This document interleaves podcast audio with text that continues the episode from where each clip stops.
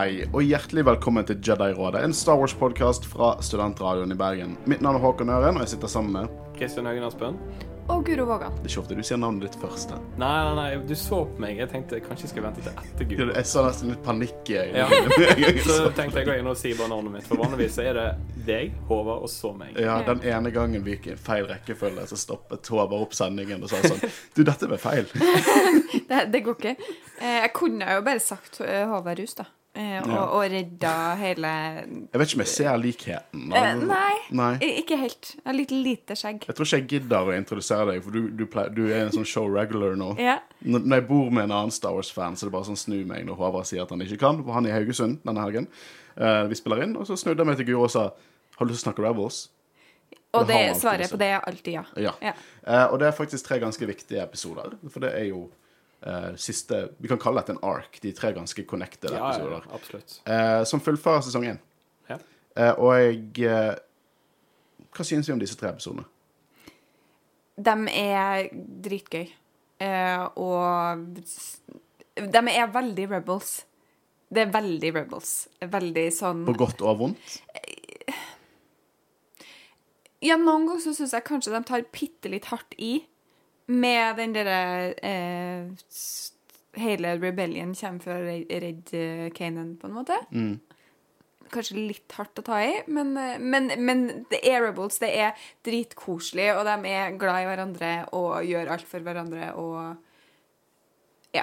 Heller for mye enn for lite. Jeg, jeg bare Jeg kan se det, men jeg føler òg at eh, når han sa den talen sin, eh, Astra, og på en måte det på en måte fikk de andre cellene til å hjelpe dem Jeg syns på en måte det skapte et symbol, en Ja. styrke, så vi på en måte skulle bekjente at nå er egentlig begynnelsen på rebellionen. Rebellionen. Rebellion. Ja, Alliansen som vi er så kjent med. Og det er jo, sånn skal sies, at disse tre episodene her eh, Men jeg, In universe men jeg syns det er- god, god pacing i de. Ja, det, det, går, det er helt nydelig. De- det de tre de funker akkurat like eh, lenge som de trenger å være. De er perfect, Det er ingen flask jeg vil Ingen, nei, nei, nei. nei. Og, og de framviser jo noen av de viktigste hendelsene, viktigste katalysten i den hele eh, opprøreralliansen. For at i løpet av disse tre episodene så får vi den største Nei, den første Det er liksom foreningen av opprørerceller, da. Det er begynnelsen på det som kommer til å bli større. Og eh, vi får se med My Boy Tarkin, som dukker opp. Ja, jeg, jeg tenkte når han eh, kom ut av det der skipet sitt OK, Håkon. ja. Han, han dukker rett og slett opp for at han skal rydde opp. Eh, og visst faen er det kjekt å se en bad guy fra The Empire som vet hva han gjør. Eh, for det at Ja, men han, han har full kontroll Han er spot on. Ja. Han vet nøyaktig hva han skal si. Dette her, Sånn skal vi gjøre det. Sånn skal det gjøres. Ja. Og, og det er Ingen- så kult å se i Rebel, som er Det er et kidshow, Ja. men bare vise fram Tarkin sånn som Tarkin er. Badass. Ja, og, og det samsvarer så jævlig bra opp mot Tarkin-boken. Som igjen eh, Vi må dekke den en gang, for jeg tror det er den boken jeg har snakket mest om gjennom alle disse episodene. Så jeg har nevnt Tarkin-boken sinnssykt mye, for den er helt konge. Og til og med skipet hans, The Sovereign, dukker opp i disse, disse episodene her, eh, som han bruker i Tarkin-boken. Og hele karakteren bare henger så jævlig godt sammen med hvordan han blir vist i den boken. Og New Hope, for den saks skyld. Eh, men jeg har ikke lyst vi, vi har en tendens når Guro er å diskutere for mye episodene i introen vår. Ja, det, altså, Denne gangen var det ikke min feil. Nei, det var ikke din feil. Nei. Men jeg bare ser, ser deg, og så Ja. har jeg lyst. Sant? Eh, men Kristian, Ja. eh, når Håvard ikke er her, så må jo noen promotere sosiale medier. ja, jeg er veldig glad du sa det på den måten, for at forrige gang så sa du at jeg òg måtte promotere det. Så det var ikke Håvard forrige gang. Nei. Men uh, anyway. Ja, uh, viktig å følge oss på Facebook, Twitter og Instagram. Og uh, har vi fått flere ratings på iTunes? For det er vi veldig glad i. Vi har faktisk fått en ny review Yes! og en ny Jeg tror en ny review og så en ny rating. Ja. Det er vel det vi har fått. Vi er For på det- 24 nå. Ja, for er 24? 24 review, nei, ratings. Ja, og så har vi fem reviews, tror jeg. Ja, OK. Fem av fem òg? Nei, Nei? fordi at noen har gitt oss fire Én person har gitt oss fire av fem Ah. stjerner. Så nå ligger vi på det irriterende tallet 4,9. Så kanskje du der ute som ikke har gitt oss en rating ennå, gir oss fem av fem stjerner, Ja. og så får du tallet opp. Og så skal vi bare forgude deg. Og hvis du vil følge oss på sosiale medier, kanskje du kan se eh, min nye tatovering, som jeg er veldig stolt over. Ja. Den er jævlig nerdete. Men jævlig fin. Du, du Ja, er aner ikke. Eh, for det, det er en tatovering av tre Mandalorian-hjelmer med noe symbol bak. Så det er Bo-Katan, Bobafett og Mando, selvfølgelig. Og så det, var liksom, det var planen. Jeg skulle ha disse tre hjelmene, og så skulle eh, en på, på, på Leading Light, da, ikke sponset, eh, skulle ta og designe det for meg. Eh, og du aner ikke hvor nerdete man føler seg når du sitter i en stol og snakker med en mann som er dekket av tatoveringer, på eh, hva som er filmkorrekt i visordene til en Mandalorian. Eller hvordan Boba Fett sin hjelm er litt asymmetrisk. Jeg tror jeg aldri Jeg har aldri vært hos en tatoveringssjappe før, men går ikke de etter et bilde Jo, og jo, tar detaljene ut ifra det? Ja, for Jeg var veldig på det at det skulle være screen accurate. sant? Alle formene og sånn. Jeg skjønner når de detaljene faller ut. Så jeg hadde sendt masse bilder. Eh, men han trengte jo noen hjelmer som var liksom i profil, så han kunne på en måte få outline. sant? Så han hadde jo han hadde funnet litt feil hjelmer. Så jeg måtte fikse litt på det. Så det tok to timer å redesigne tatoveringen. Eh, Ja, OK. Og så tok det ganske mange timer i stolen også. Men det, eh, sluttproduktet kjempehappy.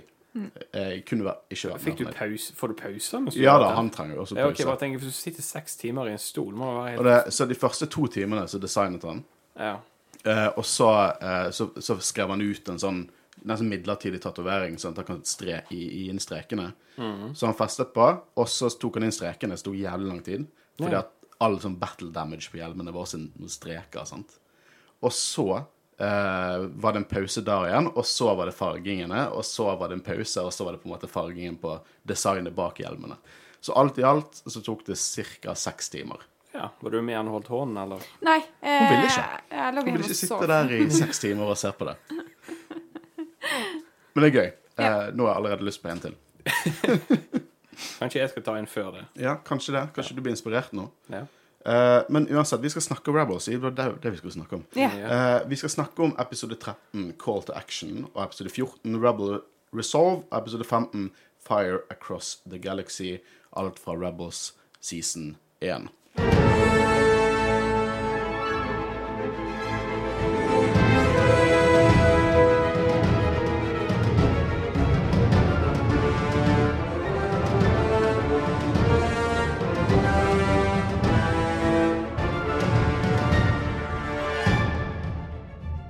Så vi hopper til Call to Action.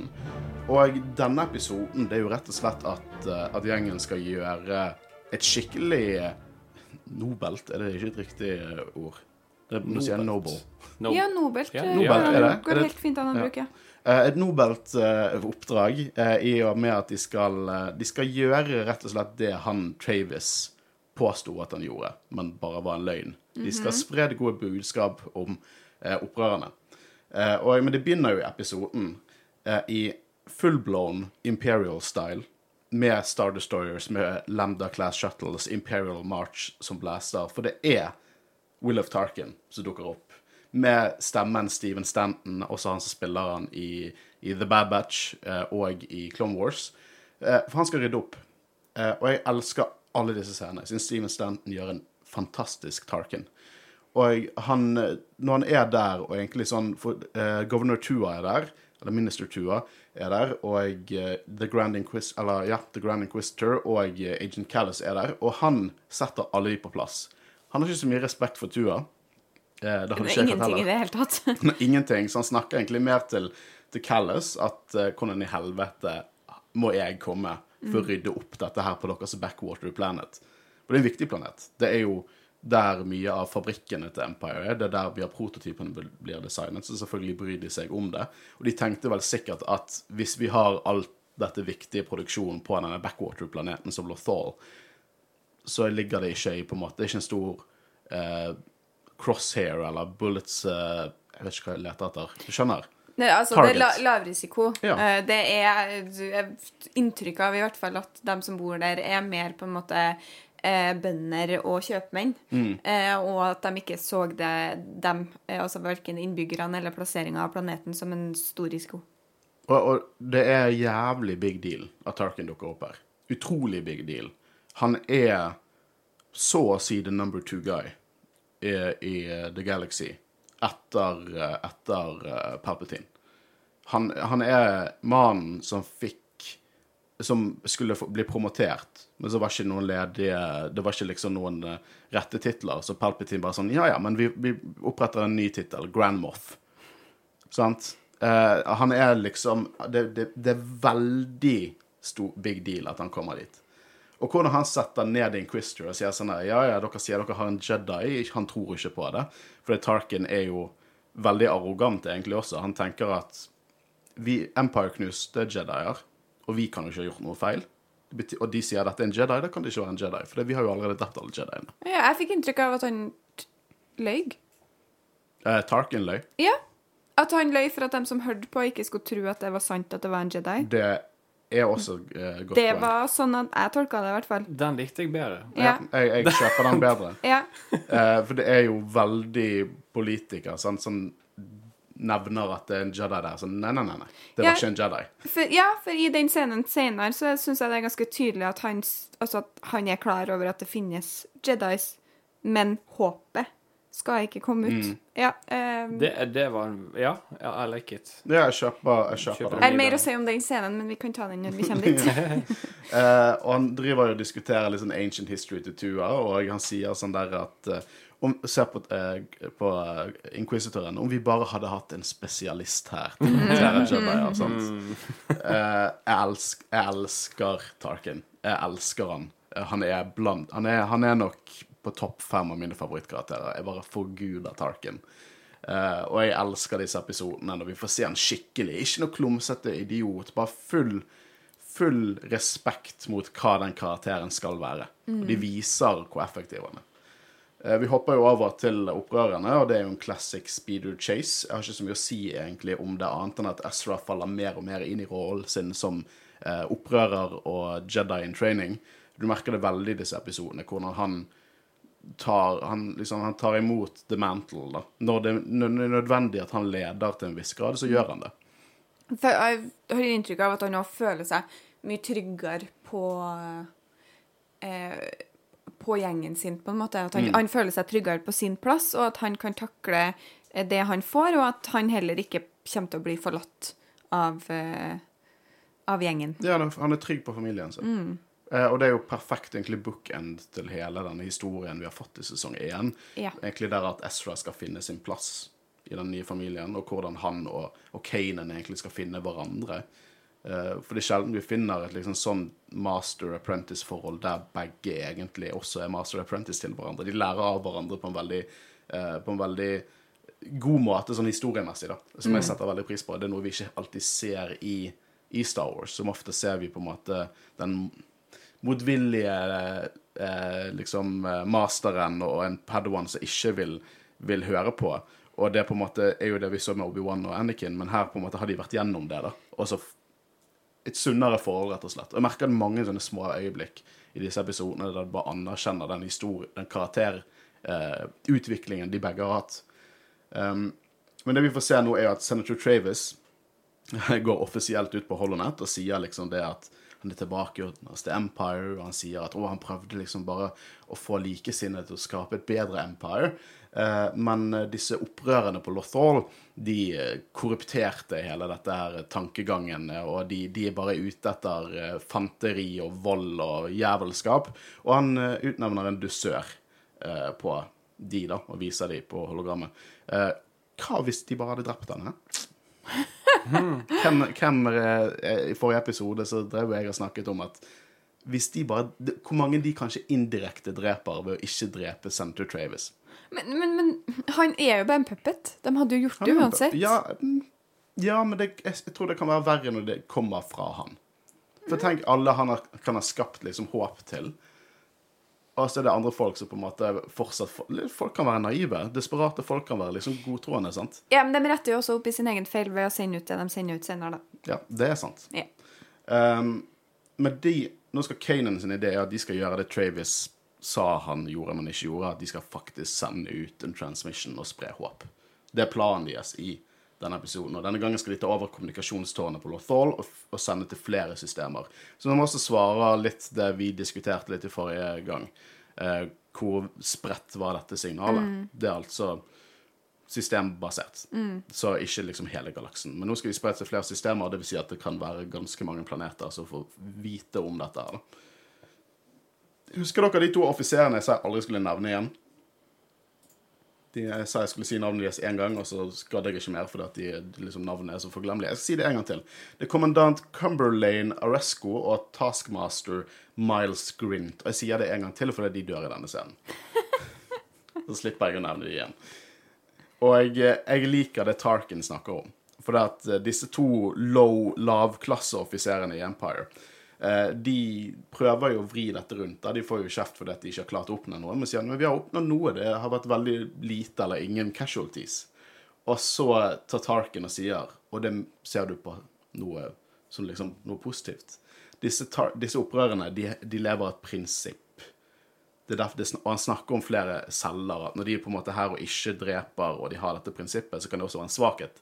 Men det kan også være på en måte en styrke om unity. Og Tarkin ser alt dette på en helt annen måte enn det disse her eh, eh, To klovnene. ja, riktig. Ser på. Uh, og eh, det som kan gjøre at disse opprører For dette er en egen celle, og det som er, kan, de er ikke en trussel alene, men hvis de finner andre med samme tankemåte eller samme ideologi og skaper liksom unity, så kan det være en stor trussel. Og det skal Tarkin sette en stopper for. Eh, og en ting som han er veldig bekymret over, er denne såkalte Jedien. Fordi en Jedi kan på en måte representere foreningene selv, og kan gi håp. Uh, og det, det kan føre til at dette blir større enn noensinne. Jeg syns det her var utrolig interessant fordi det minte meg eh, om eh, en annen serie. Eh, en annen sci-fi-serie med et eh, annet ganske ehm, eh, strengt regime. Eh, der man også har en leder som, som snakker litt om håp, nemlig eh, eh, eh, Herregud, eh, President Snow i, i Hunger Games. Ja, ja for, fordi eh, at det er interessant å se da, at sånne typer regimer de har en felles ting de er redd for. Fordi president Snow sier, altså at hope it is the only thing stronger than fear. A little hope is effective. A lot of hope is dangerous. Mm. Men det, altså det Snow gjør, da, som er nesten enda mer kynisk, er på en måte det at han bruker en, en liten del av håp til å holde moralen oppe i sitt undertrykte folk. Eh, mens, eh, mens Tarkin er bare sånn Nei, vi skal, vi skal ikke ha noe håp. Den minste gnist av håp er, er, er farlig. Ja, for den, han sier den lille gnisten kan fyre opp flammen.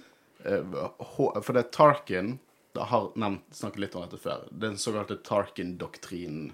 Eh, og det var jo noe som vi fikk se litt av starten av på i, i Bad Batch. Og det er rett og slett militær oppbygging. Death Star er en del av det. Eh, det er frykt. Sånn, Tarkin er ikke nødvendigvis en Han er ganske kaldblodig. Eh, Men han er ikke, han er ikke ond. Han, han er ikke en fyr som, fri, fryder seg over, over smerte uh, og lignende. Han er en fyr som vil ha kontroll. Han er ikke sadist. Han er ikke sadist, han er kalkulert. Han vil ha, han vil ha profitt i det han gjør. Ikke nødvendigvis penger, men liksom, om de har et mål, så finner han ut hva, hva er det beste å gjøre her. Hvordan ender vi opp med mer? Hva kan være konsekvensen at vi ikke gjør dette her? Hva kan være konsekvensene av at folk er uenige med dette regimet og setter seg sammen for å stå imot det? Han vil ha frykt for å skape orden. Eh, og han gjør mye jævlig vondt. Det gjør han. Det, det, liksom, han sprengte Alderon, det er hans ordre. Eh, han sprengte Scariff og Jedda under hans ordre. Men hele poenget med Tarkin er dette her med at frykt for å skape orden. Den orden kan føre til, til det han anser som lykke og fremdrift og fremskritt av, av dette empiret. Ja, eh, men Da har jeg lyst til å spørre deg, hvor effektivt syns du det er? Hvor godt syns du det funker? Hvor godt klarer de å undertrykke denne, det her håpet som de er så redd for? De klarer jo ikke det i det hele tatt. Nei. Eh, og det er jo igjen med, med Hunger Games og utallige andre fiksjonelle serier, og til en viss grad også eh, i det virkelige liv, eh, så er det det her med at eh, man skal eh, styrer med, med frykt for, for, da, for å undertrykke folket, for å gjøre, som, gjøre dem så kua at de ikke tør å gjøre opprør. Eh, og det har aldri funka noe særlig godt. Men det er det jeg føler når jeg ser alle disse typer sci-fi-serier eller leser bøker om det, så er det uansett eh, hvor mørkt det er, så er det alltid et lite håp. Vet du hva jeg skal si? En ting. Det fungerte for Batman. Ja, og jeg sier det. Shout-out til tegneserieligaen. Hvis Batman hadde vært i Star Wars-universet Han hadde ikke vært Sith, det er ikke det, jeg sier. Men hadde, hadde han vært eh, for The Empire, soleklart. Han bruker frykt, sånn at det Mot, mot, mot folk That's a, that's a point of view. That's a point of view. han bruker jo frykt for å kontrollere dem som skader andre. Ja, men Ja. Jeg nekter å tro at Bruce Wayne hadde vært en Bruce Empire-guy. Wayne, se for deg Ben Affleck i en eh, militær, un, militæruniform i Star Wars-universet. Altså, Han her- hadde så sykt vært en Det Imperial her det er er scary. ønsketenkning. Ikke ønsketenkning. Han hadde Jo, ikke vært en rebel. jeg skjønner at du vil ha Han- den hot toysen Jeg nekter å i skapet det. Jeg vil ikke ha en eh, Batman Imperial. Jeg vil ikke ha en crossover mellom DC Jo, og jeg, jeg skjønner jo at det er det du vil her nå. Nei, jeg, jeg, jeg, det jeg sier, er at Jeg sier det. Empire er the bad guys. Jeg sier det. Det er sånn det er. Men det er, Empire er ikke the bad guys for alle. Ja, men de er ikke the bad guys for Nei, de er jo ikke the bad guys for dem som syns det er liksom gøy og undertrykk, og som er på toppen fra før. For dem så er det jo greit å leve. Ja, ja, men jeg bare Ja. sier, jeg bare sier at Batman hadde vært Imperial. Han hadde styrt med frykt for det han anser som orden. Vet du hvordan eh, folk har beskrevet Batman tidligere, før vi faller over til å bli en sånn tegneseriepodkast, sånn som Tegneserieligaen? Det har blitt fortalt at Batman er en bad guy med gode hensikter. Jeg vet ikke om jeg kan uttale meg så mye om Batman, men basert på det jeg har sett i filmer, så er ikke jeg en karakter jeg føler Men, Empire. men vil, du bes ja, vil du beskrive Empire som eh, en bad guy med gode hensikter? Og hvordan er Empire seg sjøl? Ja, kanskje. Til en viss grad. Hva sa du nå? Jeg sa at The Empire i seg sjøl Sånn, eh, og Ikke som en entitet. Det er alltid skurker der. Men det er også jævlig mange folk som anser det som den Den minste onden, er det det kalles. Mm, lesser Ah, evil. Ja, Enn å la på en måte Enn det republikken var. For republikken hadde sine problemer. Enn å la opprørerne styre. Eh, men jeg sier jo ikke at de, de, de, er jo helt, de er jo helt klart en sånn fascistisk diktatorskap. Det, jeg bare sier det finnes Og det er det lesser Nei, evil? jeg sier bare ja, ja, faktisk kan det være lesser evil. Det er en diskusjon på det. Hvem er det som fucker opp eh, Se hvordan galaksen er etter opprørerne tar over. Se hva som skjer der. Selvfølgelig, fordi har, det er jo det som er problem, problemet med ethvert opprør. Det betyr jo ikke at det ikke er verdt å gjøre opprør. Det er bare det at det er vanskelig å få samla folk. Altså, det, det, det fins mange eh, eksempel på det eh, i den virkelige verden også. Det er ikke som om at man eh, gjør opprør, og så er alle problemer vekk. Se på eh, Sør-Afrika, eksempel, der det definitivt var verdt å gjøre opprør mot apartheid. Det betyr ikke at alt var perfekt rett etterpå. Og det betyr ikke at apartheid var the lesser evil. Ikke det jeg sier. Jeg ikke Nei, jeg trekker ikke inn Ikke det jeg sier. Jesus. Jeg bare Nei, men det sier høres litt sånn jeg, ut. jeg sier bare The Empire i seg sjøl, uten, uten liksom at The Sith står bak de. Så det er mange folk i The Empire som ikke er nødvendigvis bad guys, Nei, og ikke har formålet Du til tenker på de som bare følger ordre? Nei, jeg tenker på de som av ledere òg, som vil at galaksen skal være samlet, som vil at, at eh, det, skal være, det skal være fred. De vil at det skal være handel, og det skal være muligheter. Og for at eh, man skal oppnå det, så må eh, noen nødvendigvis lide. Jeg tror nok det var, kan ha vært noen i apartheid-regimet som har tenkt akkurat det samme. Jo, men altså, det er Vet du hva? Jeg er lei av å høre på det der The Empire er the good guys-shitet Det er ikke the good guys. Jeg sier at det er ikke så svart og hvitt som vi, Nei, vi skal men ha det det. er det aldri. Det er aldri sånn at folk er var ganske svart og hvitt med apartheid. Det- Ser du hva jeg gjorde der? Nei, det er ikke greit. Men i hvert fall eh, Det er ikke sånn at, eh, at alle som er ledere i et Eller er en del av maskineriet i et regime, en del av ledelsen, en del av systemet, er ondskapsfulle mennesker.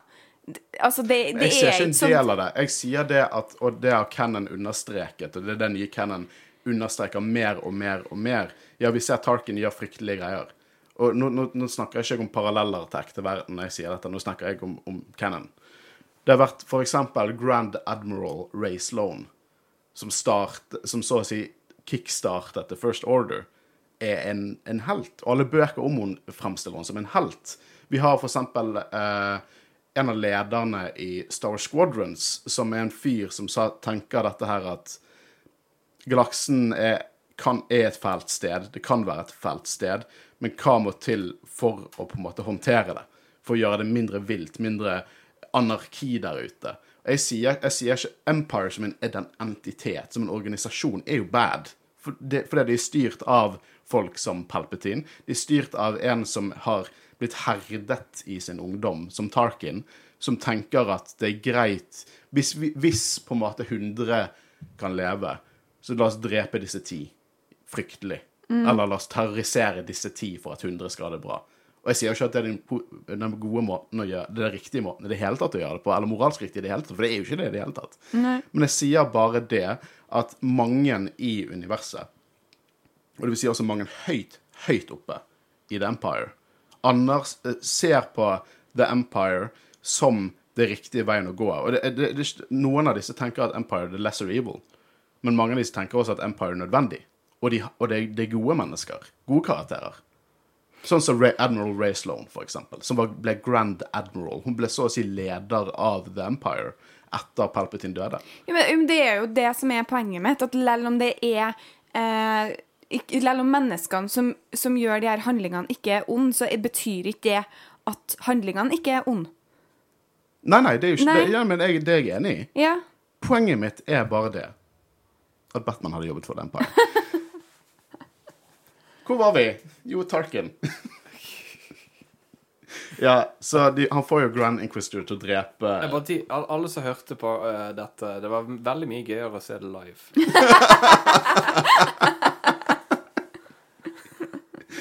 Ehm, Ja, det kan jeg tenke meg. Det er sånn er det hjemme til oss hver dag. Hver dag. Ja. Og det er ikke tull engang, liksom. Men jeg får, jeg, jeg, får henne til, til, til, å, til å på en måte gi et lite kyss til eh, dette Empire-tatoveringen jeg har på armen hver gang vi legger oss. Hun vet ikke, hun vet ikke alltid at hun gjør det, men jeg vet det. uh, så Grand Inquisitor, etter Tarkin sin diskré ordre, dreper disse to uh, Imperialsene. Vi ser det til Callas og Tua sin forferdelse. De er ikke de er ikke De er ikke Tarkin-folk. Nei. Men han dreper dem vel, for tilbake til mitt poeng om ikke om The Empire, eh, og at de er bad guys, men tilbake med, til mitt poeng om håp. Han dreper dem vel etter den her talen han har hatt om at uh, håp er farlig. eh, og jeg tenker at uh, han dreper ikke dem bare eh, fordi at, uh, at de har gjort en skittig jobb. Han dreper dem fordi at de ikke skal gå rundt og fortelle folk at det finnes en Jedi. Ja, for de sier jo tidligere at, at å ja, denne Jedien lever opp til sin anerkjennelse. Nemlig. Nemlig. Og det kan hende akkurat det som dreper de. At de sa det. Jepp. I think so. Uh, men Will, uh, Will of Tarkin er her for å fikse. Eh, og han har planer. Eh, nå tar jo gjengen vår og sjekker ut dette hovedkommunikasjonstårnet til Empire som de skal hacke. Eh, jeg liker det, søte øyeblikket når Ezra og Sabine driver og forhandler om tid. Og liksom sånn der, Hvor mye tid kan du gi oss av å være optimistisk? Og, eh, det, er bare, det er bare fint lite sånn Nå har det vært en ganske mørk episode opp til nå. Og få noen sånne små sånn banter-øyeblikk hos opprørerne. Jeg føler det er det denne serien gjør eh, veldig godt. Jeg føler det denne serien gjør, er at jeg heier litt på opprørerne. Ja, sant? Jeg bare liker de så jævlig godt. Ja, men de er skikkelig gode folk. Ja, og jeg har litt problemer med opprørerne i din neste episode spesielt. Spesielt med Folkrom og Hera, der jeg synes at de er bare idioter. De, de, de er ikke bare kaldblodige, de er som Tarkin. Ja, ja, de prøver De å være The Empire, og så Ja. det ikke for dem. Oh, Eh, men uh, de, de ser en sånn dwarf probe droid, liksom precursor til den klassiske probe droiden. Eh, jeg liker veldig godt den imperial-språket, men har dere noen gang tenkt over at han høres litt full ut?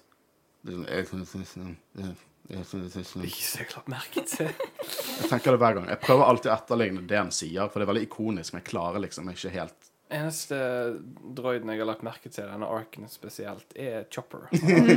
Fy Faen, hvor morsom han er. Jævlig gode øyeblikk Ja.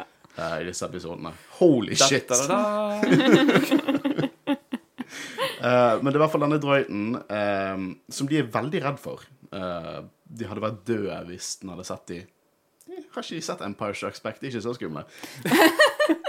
men i hvert fall den drøyten er i fare med å se speederne. Mens Ezra bruker liksom The Force til å få en Lothcat til å bare klikke i vinkel og ødelegge Ja, kult. Fantastisk. Eh, Det, det likte jeg dritgodt. Det er bare synd at de ikke klarte å ødelegge den eh, droiden helt. Ja. Mm. Hva var det hva var det han sa? Uh, good job, young Padawan. Var ikke noe sånt? Ja, ja, mm. ja, ja. Og, og, og Sabine sier det er veldig touching når dere bonder. Kanskje vi gjør det senere. Er Kjempegøy.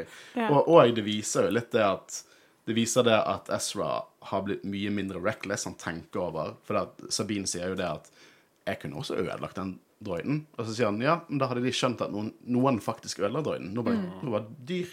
Dyr som En lotcat som klikker, liksom. That's Ja. what lotcats do. Eh, Men som sagt, den ser jo hele gjengen for det om.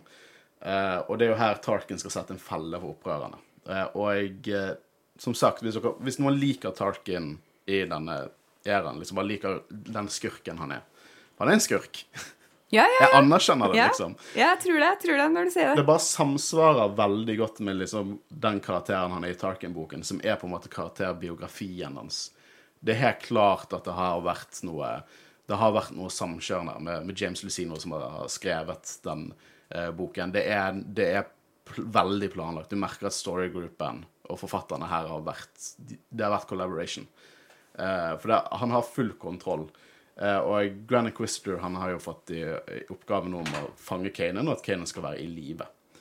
Eh, det blir noen diskusjoner om denne planen, og dette liker jeg veldig godt. Fordi at Ezra er fjern. Og vi vet godt nå at Ezra er fjern, så er det noe som plager han. Og Kanan vet godt at Ezra er fjern, så er det noe som plager han. Og det er ikke irritasjon for Kanan. Han er forståelsesfull. Han viser empati. Han, han på en måte han, nå, nå vil han finne ut hva er gale, hva er det som plager han. Og det viser hvor langt de to har kommet, ikke bare sånn Jedi og, og, Padawan, men som, som to familiemedlemmer, rett og slett.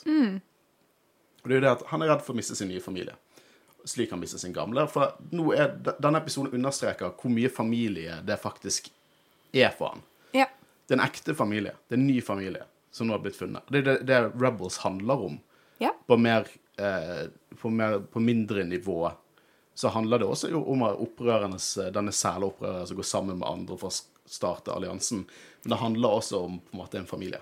Det er det Star Wars handler om. Mm. Eh, på mange måter. En fucked up familie, som heter Ja, Skywalker. ja, nei, men altså Found Family, det eh, konseptet går igjen eh, relativt ofte. Eh, ref. eh, Skywalker eh, Ray Skywalker. Ja. Ja. Mm. Eh, og de, han snakker jo Ezra opp da, og sier at de må lære seg hva det vil si å stå for noe større. Kla- Og klare å ofre seg for noe som er større enn de to. Og at det er noe han hørte fra sin mester, men han ikke skjønte helt før nå.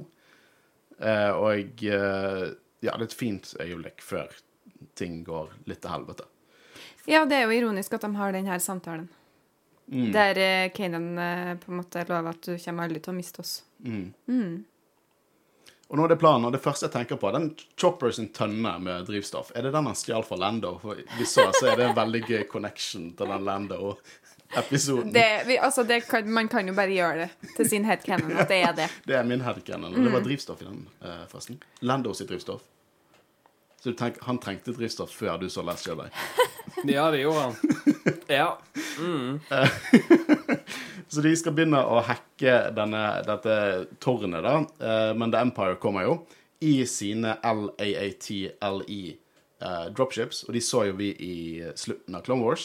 Jeg kommenterte litt at det var noen skip som kom til å bli brukt av The Empire. Og det er noen klassiske, kule skip. Som, det ser nesten ut som en hvis en TIE Fighter og et clone gunship fikk et, en, en liten bastard, så hadde det vært dette skipet. Og det er veldig kult. Eh, jeg liker veldig godt sånne scener, det får vi veldig mye i Clone Wars. Så nå får vi litt her. Typisk når det er inni disse dropshipsene, og de holder seg fast, veldig sånn Vietnam, og så ser du et annet dropship på siden der som blir skutt ned. Og apropos det at det ble skutt ned. De snakket om at disse opprørerne ikke var så veldig på å drepe, sant. De dreper minst 20 Stormtroopers i denne arken. Og hvis de Stormtroopersene for en eller annen grunn ikke dør, så det er ikke av opprørerne prøvde å ikke drepe dem. Chopper kaster fire Stormtroopers ut i space i løpet av disse episodene. Og det irriterer meg litt. For det er greit nok hvis de ikke dreper dem, men at serien skal få meg til å tenke at et skip som er skutt i luften, sikkert flere med 100 meter over bakken, og krasjer, og altså de som avfyrer det skuddet, skal tenke ja, ja, de klarer seg. Nei, det er ikke sånn det fungerer. Nei, altså Jeg er faktisk eh, ganske enig med deg der, for det, da, og da blir det på en måte helt poengløst at de ikke drepte eh, Hva heter han? Han uh, Travis. Travis. Ja. eh, f fordi de har jo helt tydelig ikke et problem med å drepe folk. De gjør jo det helt tydelig gjennom hele denne arken. Og, og, og jeg, altså, det er jo ikke at det i utgangspunktet er så ille når du er Når du gjør et opprør, så kan du Vil det jo ofte eh, gå med noen liv, eh, men eh, Jeg tror det er metating. jeg. ja. Jeg tror det er, er litt sånn at du har ikke lyst til å se good guysene driver og dreper så mange. sant? Og hvis du ser at noen skyter, så ser du et skip eksplodere. Men stormtroopers sånn, Stormtroopers teller ikke. ikke. Nei, liksom, ja, men Stormtroopers teller ikke. Det er jo regelen i Star Wars. Gjett hvem som høres ut som en Imperial nå. Nå mente ikke jeg Expendable. Du vet I at de er mennesker, de òg, sant? Jeg mente ikke in your universe, jeg mente meta. For se- seeren så er jeg på en måte en skutt eh, stormtrooper ikke De det er- prøvde, det er de ikke- å forklare det litt, husker jeg, på sånn StarWars.com, og jeg, jeg tror ikke det er canon lenger, men litt sånn Nei, Stormtrooper-rustninger de absorberer skudd, så når de faller om, så er de egentlig ikke døde. Så sånn, give me a fucking break. Mm. ja. de er døde. Absorberer skudd. Ja, det var noe skikkelig bullshit uh, så de ikke har opprettholdt i det hele tatt. Så Det gir jo ingen mening. Så hvis du blir skutt i armen, så er hele rustningen bare Og så er du ute for det count. Nei, det gir ikke mening. Eh, planen er at de skal hacke dette tårnet, skal Hera hente de på toppen. Eh, og, men The Empire angriper nå fra luft og bakke, og Kanan, i veldig foreshadowhet, sier han er rett bak de, right behind you, og så går de opp, men han, han er der nede. Han sier jo det fordi at eh, Ezra nekter å gå ifra han, Mm. som er blir så mye mer impactfullt av eh, den samtalen de hadde før de Ja. Eh, jeg jeg syns bare det hele den greia der med at Kanan blir tatt til fange, er bygd opp veldig godt. Uh, med Ezra og Ja. Ja, og og han får et skikkelig Jedi-moment. Eh, fordi at han står der og skal beskytte, og Callas og Inquisitoren og en rekke Stormtroopers kommer der og låser døren med å bare stikke hull på låsen med lightsaberen sin. Eh, og slik at de andre kommer seg vekk. Det er et full-blown Jedi-moment. Eh, og det ender jo med at han blir tatt, mens, og Hera redder de andre, da. Eh, kommer og redder eh, gjengen i eh, The Phantom og skyter ned stormtrooperne som truer de, og så må de rett og slett forlate Kanan. Så kommer Tarkin i combat gear, som er litt goofy. Han ser litt goofy ut, Tarkin, i denne her lille farao-hjelmen sin. og denne, men han er, liksom, Tarkin er ikke bare taktisk geni, han er en kriger. Eh, han er, han er i, i Tarkin-boken. Han, han på en måte han, Barndommen hans har gått ut på at han, han hver sesong skal han ut på sånn jakting der som han kan dø. Nesten litt sånn Spartan training. At han, han kan dø, han er sterk. Han, han liksom Tarkin er en buff dude, faktisk. Så han, han er ikke bare all talk på, på, liksom på, på enden av, eh, av linjene for å styre folk. Han er jo det også, men han kan faktisk Han er ikke redd for å bli skitten på, på hendene. Som, som er verdt å si, selv om han litt goofy ut i Combat Gear. Uh, men opprørerne klarte målet sitt. De transmitter håp, rett og slett, med nydelig Star Wars-musikk. Og du ser liksom det hopper rundt omkring på forskjellige uh, karakterer, og Ezra snakker om foreldrene sine og den nye familien sin, og hva det betyr å være en opprører. Og det gir deg litt den Star Wars Star Wars har av og til en sånn moment, så du får, du får litt sommerfugler i magen. Du blir litt sånn Det er en sånn bittersøt følelse der kanskje det kan skje noe jævlig i, med karakterene og sånn, men det er på en måte for noe godt. De kjemper for noe stort. Ja. Syns det er så utrolig fint av, av på en måte Hera og, og hele gjengen at de lar Espra få gjøre den praten. Det er så viktig for han, på en måte, med tanke på foreldrene hans, og, og at han føler at han jeg, altså, jeg tipper at han føler seg nærmere sine foreldre nå fordi han fikk lov til å gjøre det. Han skjønner mer av Han vokser opp. ja, han skjønner mer av hvorfor de, de gjorde det de gjorde, og at de ikke liksom gjorde det At de ikke risikerte livet sitt bare for ingenting. At, at de, gjør- de kjempa for et bedre liv for seg sjøl og for han. Ja, og for det du kan jo godt tenkes at han har vært litt bitter mot foreldrene sine. For at de, lo, de risikerte det. Mm. Ja, men han var jo det litt tidligere. Ja. Han var litt bitter for at, uh, for at de risikerte livet sitt, at de forlot han. Eh, men Nå nå, har han skjønt det. skjønt. Han skjønner det, og det er en utrolig flott eh, øyeblikk. Men Tarkin han kan jo ikke la dette gå, så han sprenger hele gjeldetårnet. I et utrolig kult shot, rett og slett. Og det minner meg igjen Jeg vet jeg snakker mye om Tarkin-boken, men det er bare så mye gøy. I Tar det, jeg snakker litt om Tarkin, veldig opptatt av profitt. Altså, Eh, du, du snakker om Tarkin nå, men når vi begynner på sesong tre, så kommer du bare til å snakke om Trump-trilogien. ja, sant? Så det, Uh, ja, Thrawn er også en jævlig awesome en. Og han er faktisk en antihelt. Det kan jeg gjøre. Eh, det er ikke Tarkin. Uh, men uh, men han, han sprenger hele tårnet, så å si mørklegger hele Lothal for resten av The Empire.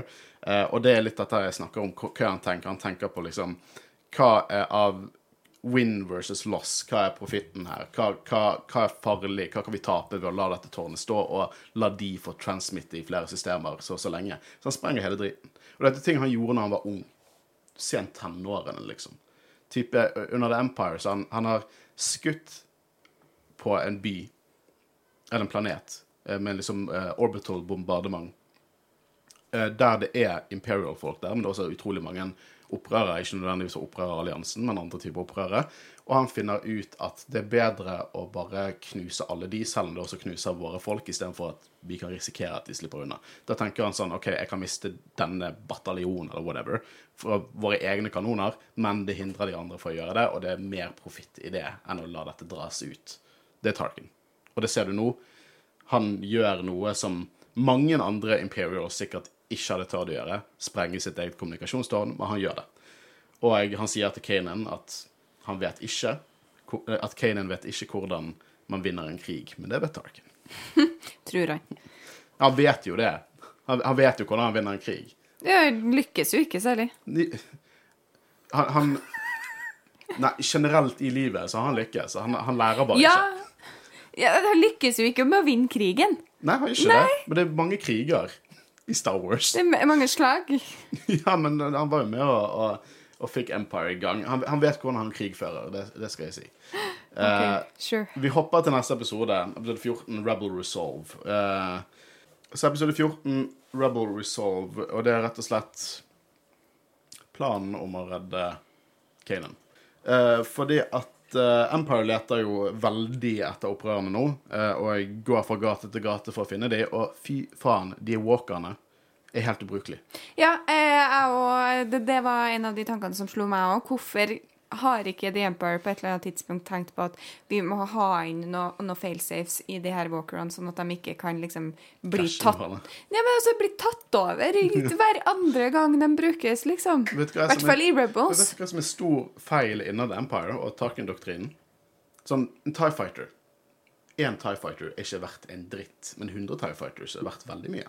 Eh, det er til og med i brettspillet Star Wars Armada så er også en TIE Fighter ikke verdt en dritt, men hvis du har flere TIE Fighters, så kan du swarme. Og det, da blir det verdt mye. Det, det er Battle Droid-konseptet. Det er er russ sovjetiske tanks under andre verdenskrig. Ja. Det er, og det er liksom det, sant? Du har masse, du kan overvelde fienden, og det skal se skummelt ut. Det skal være liksom veldig grå, svarte, geometriske, skarpe kanter. Walkers som er kjempehøye og liksom tårner over fienden. Er det effektivt? Nei. Er det billig å produsere? Ja. Har du mange av de? Ja. De er expendable. Du kan pumpe ut flere, i hvert fall på Lothal. Men er jo ubrukelig. Helt ubrukelig. Eh, og det får jo ATS-tiene, som vi ser originaltrilogien, til å virke som De chicken walkersene de får det til å virke som liksom de beste ever.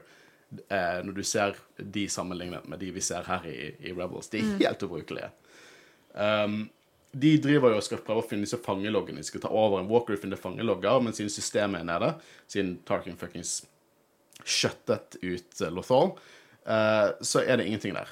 Eh, jeg har ikke så mye annet å si enn det, for de finner ikke fangeloggene, men jeg liker Chopper. For Chopper Chopper er en liten drittsekk. sant? Han, han på en måte Han er veldig bjeffa høyt, men han er en big softy. For at han nekter å, slippe, å gå vekk fra den walkeren, selv om de er i fare, for han skal finne ut hvordan vi redder Kanan. Ja, og gjengen lar ikke han eh, være igjen heller, selv om han bare er en droid, i hermetegn. Nei, det det er noen fine chopper moments her. Eh, Hera snakker med Fulcrum, og nå får vi se Fulcrum i, i hologram. Gradvis får vi se mer og mer hvem Fulcrum er. Ja, Bale og Ghana, visste du det? Sorry. Nei, ikke helt ennå. Han har ikke kappe på seg denne gangen heller.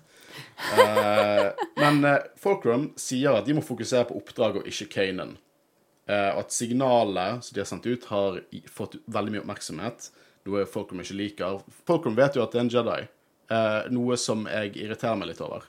Fordi at nå sier Fulcrum at de må gjemme seg, og at du kan ikke risikere hele din gruppe for Kanan. Visst faen kan du det.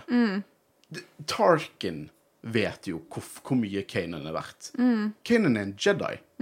Kanan er ikke en tilfeldig liksom geriljasoldat som hopper rundt i sumper og skoger. Det er en Jedi. En Jedi Én ting hvor mye det er verdt i et slag. Noe enda mye større ting. Hva det symbolske er verdt. For alle som husker republikken, for alle som husker Jedi-ordren, og hva det egentlig står for, så, ja. Så er Kanan betyr så jævlig mye mer enn noen av de andre. Ja. Til og med Ezra. Ja, altså Ezra på, på det tidspunktet her uten Kanan, uten å på en måte få enda mer opplæring Han er ingenting. Nei. Så jeg syns at det er, er, Her er det litt sånn plot convenience, tror jeg. Her Ja. er det litt sånn Vi skal ha enda mer motstand enn bare The Empire. Vi skal ha på en måte et lite opprør innad i opp, opprørerne, der, der de på en måte går imot eh, de beskjedene de har fått fra, fra høyeste hold, og på en måte at selvfølgelig da at opprørerne også kommer tilbake til slutt. Så det lager jo en veldig fin eh, eh, ark på en måte i Eller utvikling i, den her, i de her episodene. Men jeg syns ikke at det er realistisk. Og ikke kom her og si til meg at uh, Fulcrum ikke hadde gjort akkurat det samme sjøl. Deal er Men la Jeg, jeg er enig, det kan være en sånn plot commu- eh, men la oss kritisere det. Ja, In universe. La oss kritisere In universe. Eh, vi vet jo hvem Fulcrum er. Det, det er Soka. Ja, det er Soka. Det er Soka. Uh, og det er mye kynisk her. Mye taktisk. Mye Empire, basically. Eh, og det er ikke mye særlig Jedi-logikk. Nei. Og det kan jo vi skjønne.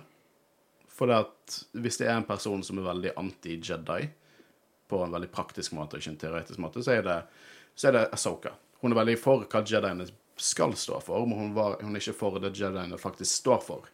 Og kan det spille inn på en grunn til at hun ikke tenker at Kanan er, Kanan er verdt livet til, til tre-fire andre stykker? Jeg tror ikke det. Altså, hun var jo en Jedi før. Ja. Jeg, altså, jeg tror jeg synes det er ukarakteristisk å Ja. ikke hun Ikke at hun skal motivere de til å gå redde Ja, det syns jeg er veldig ukarakteristisk. Eh, det, altså, jeg ser på det som en mer eh, troverdig forklaring at hun på en måte Hun har vært i denne folkrom for lenge. Hun har eh, sittet med styringa, vært ut av action, kanskje. For lenge, hatt litt for mye ansvar. Eh, sett seg litt blind på hvordan eh, The Empire styrer og tenker at eh, hvis vi skal ha eh, eh, suksess, så må vi også være sånn som The Empire. Eh, og så går det da opp for henne senere at det funker ikke. Vi, det er ikke løsninga eh, å, å fight fire with fire. Vi skal kjempe på vår egen måte, på en måte. Siden jeg og Kristian glemte at dette var en podkast, men mens du holdt talen, så så vi på hverandre, og så nikket vi i enighet.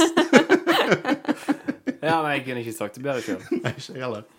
Um, og eh, de prøver å finne ut hvor Kanan er, da. Og Ezra vet at han ikke er i The Imperial Complex, og at han fortsatt lever. Eh, og Hera hun kommer ut og sier at de kan ikke sette denne saken de har, som er opprøret, i fare for bare én soldat. Og Vi har snakket det, det til døden nå, men jeg må bare si at det er superkaldblodig, og den ene soldaten er en Jedi. Eh, for meg så er det, virker det utrolig taktisk å redde denne ene jedien. Men uansett. Yeah. Ezra og Chopper team up. Og Det er en utrolig fin liten scene. For det er Ezra går inn til Chopper, og Chopper er fra seg og liksom kjemper imot. Og det er nesten liksom sånn Jeg vet ikke, det er, nett, det er sånn typisk en dramatisk film der noen gråter, men så blir de holdt helt til de roer seg. Så Ezra holder Chopper, og de skal teame opp for å redde Kanan.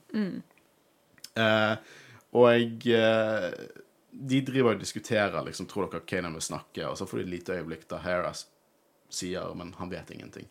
Så til, og med Kanan vet utrolig lite. Og igjen så synes jeg dette er shady. Det er shady shit. Det, det er liksom Ja, det er Empire shit, syns jeg.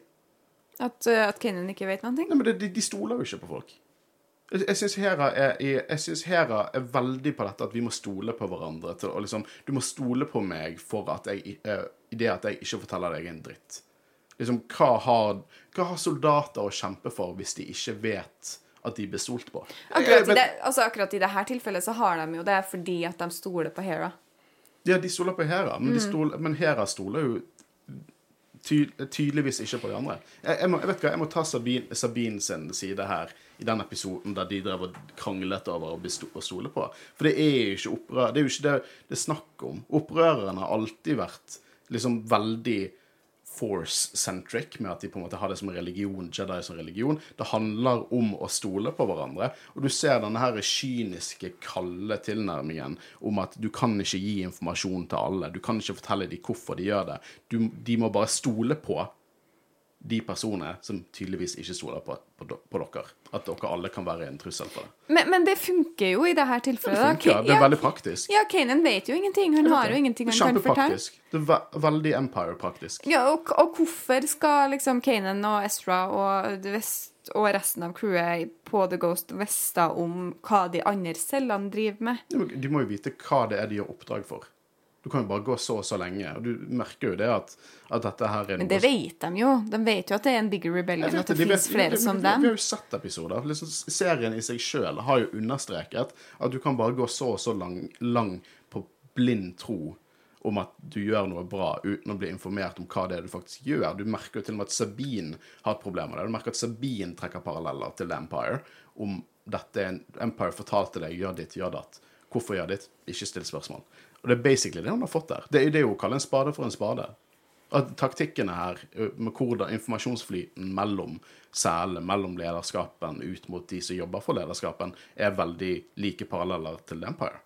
Ja, jeg, jeg syns ikke at det er så liksom Jeg syns ikke at det er så mye å kritisere dem for i den fasen der de er nå, der de har eh, bare så vidt stabla seg på beina.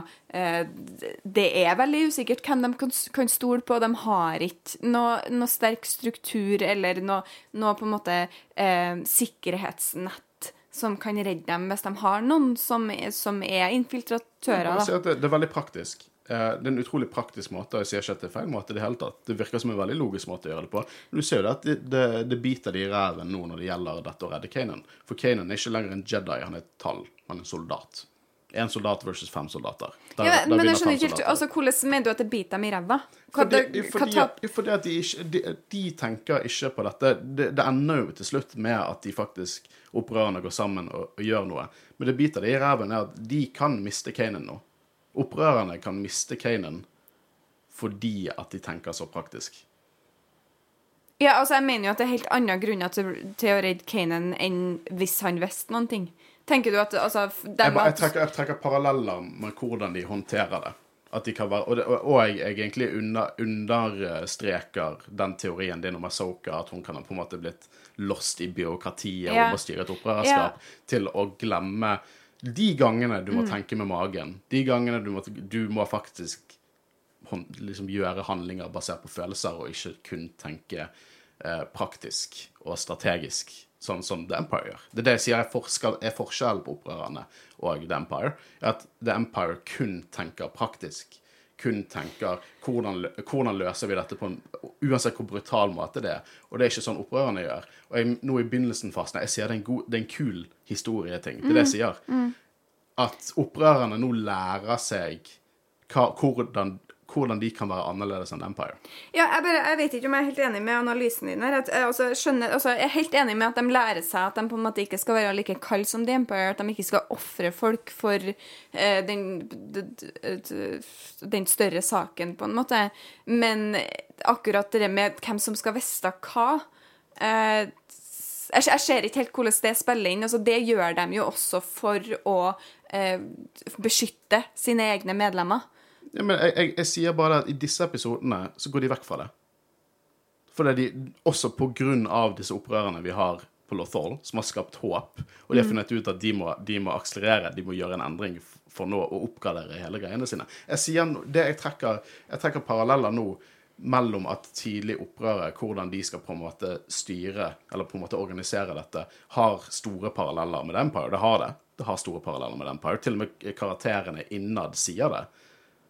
Men nå vi får et, et paradigmeskifte i disse episodene, der opprørerne på en måte endelig går en annen vei enn det som kunne blitt liksom et nytt empire. Ja, ja OK. eh, jeg er med på det, det, det du skisserer av det større bildet. Jeg bare ikke veldig ja, altså, Jeg syns kanskje ikke nødvendigvis at, at det at de forteller de, hvem som gjør hva andre plasser, eller altså hva andre jeg, det er ikke det jeg har sagt. Jeg har sagt det at nå har den, disse opprørerne jobbet for, et, for lederskapen i x antall ganger, og du kunne kun høre si 'her har et oppdrag'. Hvorfor har dette, dette oppdraget?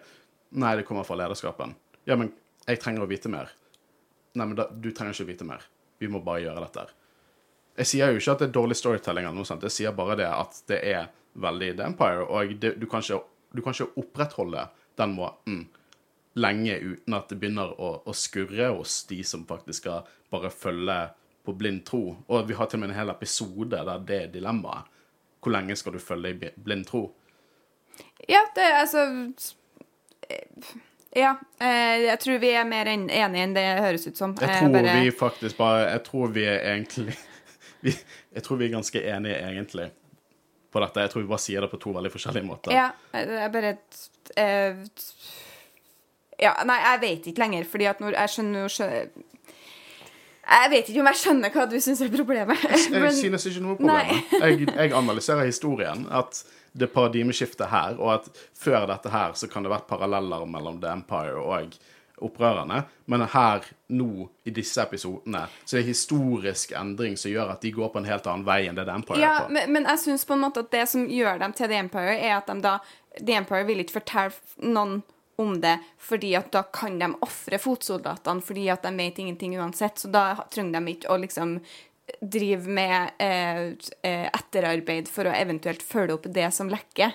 Mens jeg føler ikke at det er grunnen til at eh, de gjør det sånn i, eh, i opp, At opprørerne gjør det sånn. spredning av informasjon, altså Ja, informasjon som skal, kan Men, skade men dem. også for å beskytte dem som, som jobber for dem. De Ja, det- gjør det ut for å beskytte Det kan være en, det kan være en forskjell på dem. Ja. Ja, Hvis faen skal ikke Empire bry seg om fotsoldatene. Nei. Men det finnes jo er paralleller. jo Du kan ikke si at det ikke finnes paralleller. Nei. Og jeg er helt enig med deg, og de er jo på en måte på vei eh, dit. Og eh, Asoka er jo i starten villig til å ofre Kanan av akkurat eh, samme grunn. Han vet ingenting. Vi kan ikke ofre opp oppdraget for en eh, soldat. Mm. Eh, men jeg føler at det er andre ting som gjør at de endrer seg enn en, nødvendigvis informasjonsflyten og hvem som vet hva, da. Men jeg, jeg sier jo ikke at de har det på grunn av, av samme grunner, men de har det. Ja det, Ja. Det, det er det som er poenget mitt. De Ja. har det. OK. Men er vi, er vi enige, da? Jeg, jeg vet ikke. Nei. Jeg, jeg, jeg bare igjen sier til de som lytter, jeg storkoser meg her. Ja, det er bra. Um, OK, hele poenget er at Hera, Sabine, Chopper og Ezra går under eh, hodet, eller over hodet på Hera, eh, for å redde Kanan. Eh, og speaking of which, om which Speaking of which Kanan er fanget eh, av The Empire, som vi vet. Eh, og eh, vi får en sånn torturscene, da. Og visstnok er Jedi på en måte trent til å motstå mindprobes, så du må jo tro at at, at Tarkin Ja, han vil ikke at folk skal tro at han er en Jedi. Den helt- mindproben er vel samme design fra New Hope, ikke Ja, det er riktig. Med lyddesign Jeg, jeg fant ut navnet til den droiden, faktisk. Oh, ja. mm. Dr. Ball. det er for Robert Chicken, det. Lost the will to live? Yes. What bunch of hippie bullshit is this? Ja, Dr. Ball. Nydelig. men jeg tror at Ja, jeg tror Tarkin ikke vil at folk skal tro at han er Jedi, men jeg tror han tviler litt på det sjøl. For det her prøver han seg på mindprobes, eh, men Jedier er jo trent til å motstå mindprobes. Som igjen der er han litt sånn mm, Skal vi dobbeltsjekke om han er det, faktisk? Eh, for det kan jo, for alt han vet Det, det, det er innafor, tror jeg. Jeg tror det finnes flere folk der som har tatt opp en lightsaber og, og erklært seg sjøl en Jedi, som han helt sikkert har vært borti. Eh, men uh, Inquisitoren sier at det er en annen måte å få informasjon ut, og det er smerte. Og det fungerer også på Jedier. Og vi får en veldig sånn Kylo Ren, Po Dameron-scene fra Force Mm, Awakens. Fikk samme feelingen. Eh, og jeg liker hvordan Kanan later litt. Altså sånn, at han, han, ser, han ser hvor frustrert Inquisitoren blir. Og bare Jeg psyker han ut. Det er en nydelig øyeblikk. Eh, men det ender jo med at han blir enda mer torturert. Altså det er ikke så mye fryd og gammen. Visago, husker vi han? First Price eh, Hondo. Ja. Mhm, The Broken Horn-banden. Eh, det, det er kjipt, altså. Det er en tidligere Gosanti Class. En grunn til å si det, er at den ser litt annerledes ut. Eh, Gosanti Class er utrolig Det er det vi så i Mandalorian sesong to, eh, i Bokhatan-episoden. Eh, det er et veldig vanlig skip. Sånn, jeg, jeg føler litt sånn Hvis ikke Star Wars vet hvilke skip de skal bruke, så bruker de Gosanti Class. Eh, men dette er litt annerledes. Den er litt, den er litt mer sånn rundere i formen. Eh, og vi har sett den én gang i live action før, og det var i Solo, faktisk. Eh, Det var noe jeg fant ut når jeg researchet, så det er jo sånn gøy å, å nevne. Men Ezra rett og slett bare forteller Visago. Eh, og han trenger informasjon. Han forteller at han er Jedi, og, eh, og Kanan er Jedi, men eh, Visago trenger en liten demonstrasjon for å eh, tro på dette, rett og slett. Eh, og det ender jo med at Visago får to Jedier til å skylde han en tjeneste. Uansett hva det er. Og eh, det skal han cashe inn på senere. Og det er jo litt sånn shady business. ja. Men, men uh, føler det er riktig avgjørelse av Westrow uansett. Han, eh, han har ikke så veldig mange valg. Nei. Uh, jeg liker veldig godt den lille scenen når de skal ha en avtale, og Visago bøyer seg, og så tar Ezra bare han på, tar han på hodet. Og så Visago sånn Hva faen er det du holder på med? og det fikk meg til å tenke litt. Jeg tror Demer, uh, Deveronian sa er veldig sånn kulturell på enkelte ting. Han har, eh, Visago har jo et eh, ett av hornene knekt av, og kaller skipet sitt Broken Horn. Eh, og jeg husker jo vi så Bad Batch, dessverre. Nå skal jeg snakke litt om episode 13. Eh, der vi så han fikk Han Deveronian der fikk kuttet av hornet sitt av Pikes. Og jeg lurer på om det er en sånn kulturell ting, sånn The Mark of Shame-opplegg. Og nå har du Visago, som helt klart er en kriminell fyr. Ja, for jeg husker at jeg lura på det, hva, hva er greia med det avkutta hornet.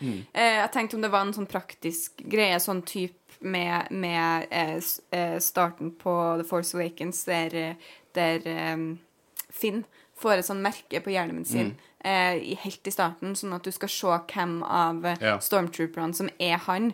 Om det var en sånn ting, at vi skulle kjenne han igjen på det ved en senere anledning, kanskje. Men det er òg godt mulig at det, at det er en sånn kulturell greie. Det er litt sånn som samuraier, da. De har den her toppknuten, sant. Når den, hvis noen kuttet den av, så var det bare en, helt jævlig. Ja. Eh, det er sånn jeg tolker det, da. Eh, det kan godt hende at det er diktert i en eller annen, eh, en eller annen nisjebok der ute, men eh, jeg synes at det er en ganske logisk antagelse på litt sånn Deveronian-kultur. Eh, så vi sier at den Deveronian i Mandalorian sesong 1 som fikk begge hornene sine knust av Mando, er virkelig in the bad nå. Ja. Han kan skjemmes, han. Ja, ja, ja. Ja. Men de får vite at istedenfor den vanlige kommunikasjonsflyten Empire pleier å bruke på planeten, så bruker de sånne droid couriers for å flytte data og kommunisere. Så de går inn på skip opp til en Arctons-class eh, og eh, rett og slett laster opp informasjon der. Hva enn det måtte være. Så det kan jo hende at de finner fangeinfo der, eh, og det blir planen. Og jævla Hera dukker opp. Eh, og er dritforbanna. Ja, jeg er ikke så glad i Hera i denne episoden. Uh, eller Asoka, for den saks skyld. Uh, og jeg kjefter på dem, for at uh, Chopper er selvfølgelig snitchet. Men det ender jo med at de klarer å overtale Hera. Hun snapper ut av det. Jeg synes hun er the wrong. Jeg synes at hun er Hun er ikke kaldblodig. Jeg elsker Hera. Mm. Hera er, en, er liksom Alle disse er bare nydelige mennesker. Jeg vet at de elsker hverandre. Men hun tvinger jo seg til å være kaldblodig. ja, hun har gått seg vill i saken. Ja. Ja. Eh, Og det er mye på grunn av Fulcrum. ja. eh, Jeg syns det er realistisk. Jeg syns det er fint. Jeg syns at eh, eh, Hera er veldig, veldig, veldig god. Veldig ofte. Jeg syns at det er helt fantastisk at hun også kan ha eh, noen feil her og der. Og jeg syns de er realistiske. Jeg, jeg kjøper dem på en måte. Og det gjør Hera til en mye mer realistisk karakter også, at de, at de gir henne eh, de her feilene. Jeg får veldig sånn inntrykk av at du på en måte er en sånn veldig sånn morsfigur. Ja. Mm. Nå sier det fulle navnet til de når hun er sint på de og sånne ting. Men hun er jo det. Hun er jo helt tydelig det. Eh, men det. Men det er fint at hun ikke er ufeilbarlig heller. Ja. Og hun går, jo, hun går jo med på det nå, for nå skal Til slutt så, så bøyer hun seg til å hjelpe Kennan, og Chopper er en viktig del av den planen. For de skal male Chopper til å late som han er en av disse her eh, courier droidsene, da. Noe han motvillig gjør for Kanan. For Kanan Han sier det faktisk òg. Ja, mm. Ja, så du hører det. Ja, det er godt at det ikke bare er banneord som kommer ut av han da. Eh, vi får også, Jeg liker den lille, lille scenen når, de, når det er Tarkin og Inquisitoren står foran Kanan, og så sier Inquisitoren sånn Har vi vurdert tanken om at han kanskje bare ikke vet noe? ja, kanskje. La oss sende han til et annet sted som er designet for å få ut informasjon fra Jedi. Eh, så Seb og Sabine, uh, de uh, banker opp noen Stormtroopers. Igjen klassisk Stormtrooper-komedie fra Rebels. Når Sabine sier 'behind you', og så sier Stormtrooperne 'vi skal ikke gå på den', og så får hjelmene sine klappet sammen. Veldig gøy at en droid som bare besvimer for Seb er såpass skummel at det bare det går ikke.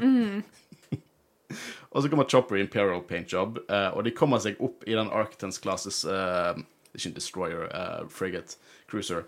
Eh, og jeg liker hvordan en shuttle lander i den, på en måte inn i de yeah. der, eh, to frontene der og får vingene opp. Veldig kreativt. Eh, skriker retconning av the side, but I don't care, for det gir sånn mening. Det synes Jeg synes det var veldig tilfredsstillende. Altså, det var veldig tydelig at det var laga for at det skulle dokke der, liksom. Ja. Eh, og eh, de prøver imens å roe ned den Imperial droiden, som viser litt hvor gode mennesker de er. Sant? De har de har egentlig kidnappet denne droiden, og den er, den er fra seg. Og de bare 'Det går fint, vi skal ikke skade deg'. Lover. Han, de skal i hvert fall ikke skade nei, ham. de lover. Ja. Chopper derimot. Jeg sier ingenting. Eh, så Ghost driver og disku, eh, distraherer liksom Imperialsene, mens Chopper, utrolig lite diskré, bare stjeler informasjonen. Det kommer til og med folk sier sånn 'Det skal ikke du gjøre.' Han sånn eh. Bare gjør det uansett. Ja. Det var en sånn fun fact fra det rommet. Mm. For nå er han jo inni den der eh, tatt heisen opp og, yeah. og stukket inn i tingen sin i Sorry. hullet. Inn i hullet. Um, rett når han kommer inn eh, fra heisen, så uh, ser du han ene offiseren er på den ene PC-en oppe forbi. Computeren, hva faen du vil kalle det. Spiller han Gallagher. Nei, han spiller ikke Gallagher. Det er i Avengers. Men uh, du ser masse tall på skjermen, og du ser tre tall som er veldig tydelige. Mhm. Det er 1977, 1980 og 1983. Ah, gøy. Og det er jo veldig passende ettersom at denne serien bare skriker originaltrilogien. Ja. Det visste jeg ikke. Kult. Um, det, eh, de får jo tak i eh, Han får jo tak i informasjon, og imens så ser du at han høflige Imperial Droiden redder Seb med noen flammer og egentlig veldig hyggelig der. Får litt kos. Eh, og eh, Chopper dreper som fire Stormtroopers. Kaster de ut i space. Yeah. Uh, og så kommer opp i, i Ghost. En ganske intens, nesten sånn Tom Cruise i Mission Impossible-scene når han prøver å ta tak i, i space. Uh, og de finner ut det at Kjempebra jobbet, Chopper, men denne andre droiden Men Skal det, ikke det, ta vare på det, det, det er bare å tenke sånn I forhold til de Stormtroopers som han bare skjøt ut i space, jeg Mm. dette er mer brutalt. mye mer brutal. For de er soleklart døde. Det er ikke noe tvil om at de er døde. Det ligger tre frosne liksom, lik in the vacuum of space på grunn av denne lille drøyten. Denne koselige drøyten. Som også nå prøver å drepe den andre drøyten. Som, de, som hadde hjulpet dem. Ja. For det er Chopper han skal være den eneste drøyten, og fuckings dytter han ned mens de på en måte skal ta vare på han. Og det er så jævla morbid, men jeg elsker det. Det er helt fantastisk. Og så, for alt Chopper vet, så han drept han, og alle de andre sånn Ah, Chopper.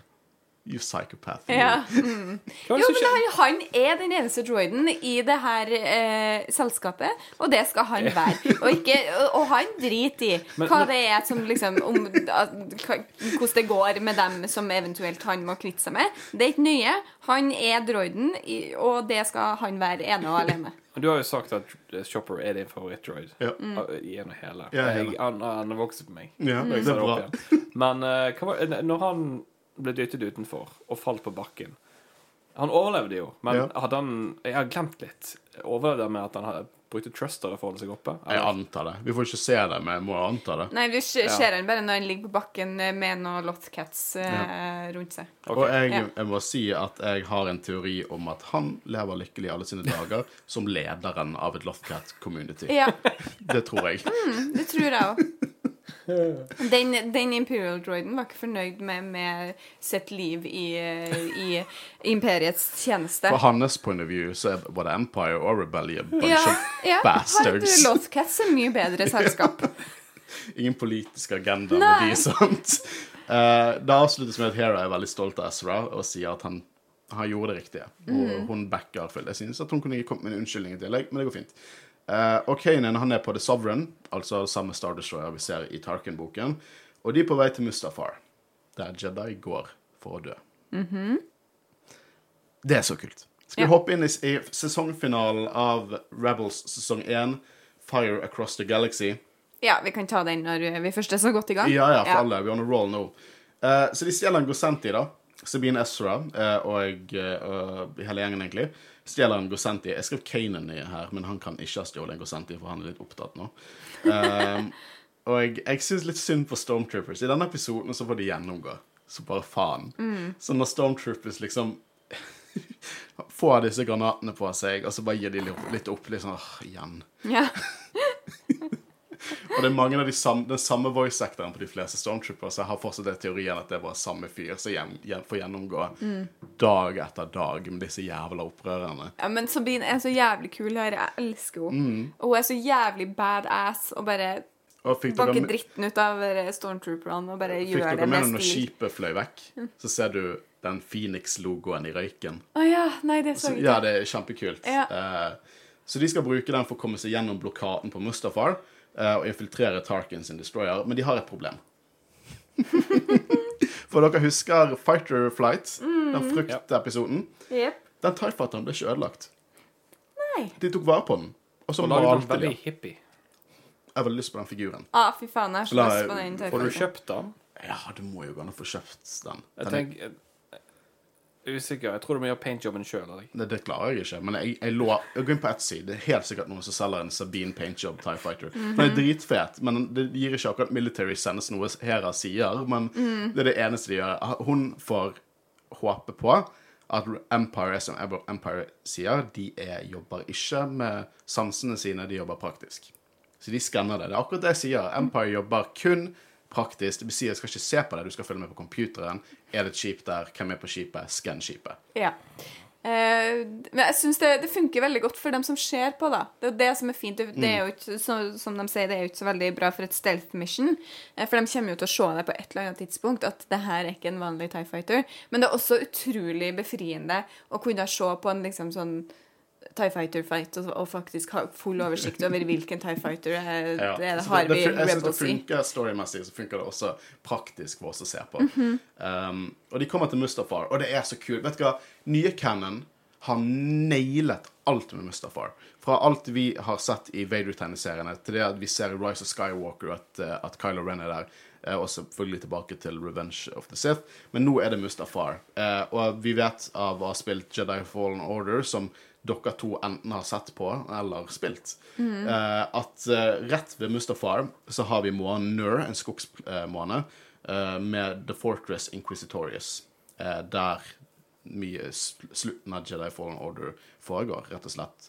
Eh, hjemmebasen til Inquisitorene. Og det gir jo veldig mening at Vader, som er lederen av The Inquisitorius, vil ha den basen i sitt nabolag. Har du spilt det? Eh, nei, jeg har sett på. Du har sett Ja, okay. ja, Eh, hun er en såkalt backseat gamer. Ja. Ah. Hun er veldig, hun er veldig game literate, men hun klarer bare ikke å gjøre det praktiske. Så hun har lest seg opp, hun har tatt teorien, men hun, hun klarer ikke å komme seg gjennom oppkjøringen. Nei, jeg har, eh, eh, jeg har ikke spilt siden jeg var ung. eh, så jeg har ikke i fingrene, rett og slett. eh, er min Nei. teori, da. Det er for vanskelig for meg å få til å spille eh, til at jeg, jeg kan nyte historien. Eh, så derfor så ser jeg heller på eh, og får med meg historien på den måten. uten Uten å bli stressa av å bli drept. Ja. Ja. Og Bloodborne. Oh. Ja, jeg, tror ikke, jeg tror ikke du ville likt Bloodborne. Jeg ville ikke likt Bloodborne, for jeg er så dårlig i det. Men vi spiller gjennom God of War nå, eh, som er veldig gøy. Ja. Jeg gleder meg sykt til toeren der.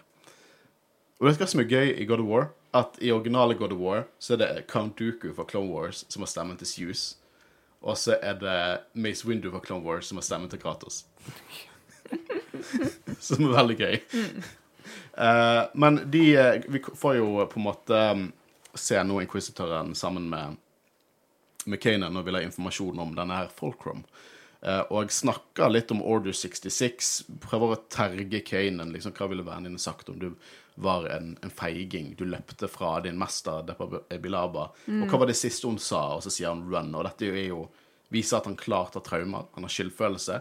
Og det er veldig kult at vi har sett den scenen i Bad Ja, Batch. jeg har også kjent på det at det, den her eh, scenen med Kanan og The Inquisitor er mye kulere nå etter at jeg faktisk har sett det de refererer til. Jeg lurer på hvordan Håvard eh, reagerer på det. Kanskje neste episode. Jeg, Rebels jeg episode. tror han hadde, han. Hvis han hadde vært her og snakket om disse episodene, så hadde han skrytt de opp til værs. Ja, det tror jeg. jeg jeg ganske sikker på. Ja, det tror jeg Han hadde elsket eh, dette øyeblikket og mange av de andre øyeblikkene jeg ser. Vi får se, ha en sånn liten eh, segment ja, neste gang. Jeg tror han snakker veldig positivt om det. Ja. Eh, Ezra lokaliserer da Kanan gjennom The Force, uh, og de skal sende inn noe de kaller Sabine sin presang. Og det er altså denne TIE Fighteren med fullt av sånn EMP-granater inni. Jeg må innrømme at fram til jeg, jeg lo Denne presangen er så fin. Ja, men òg bare når Stormtrooperen sier 'That's not regulation', I kinda like it.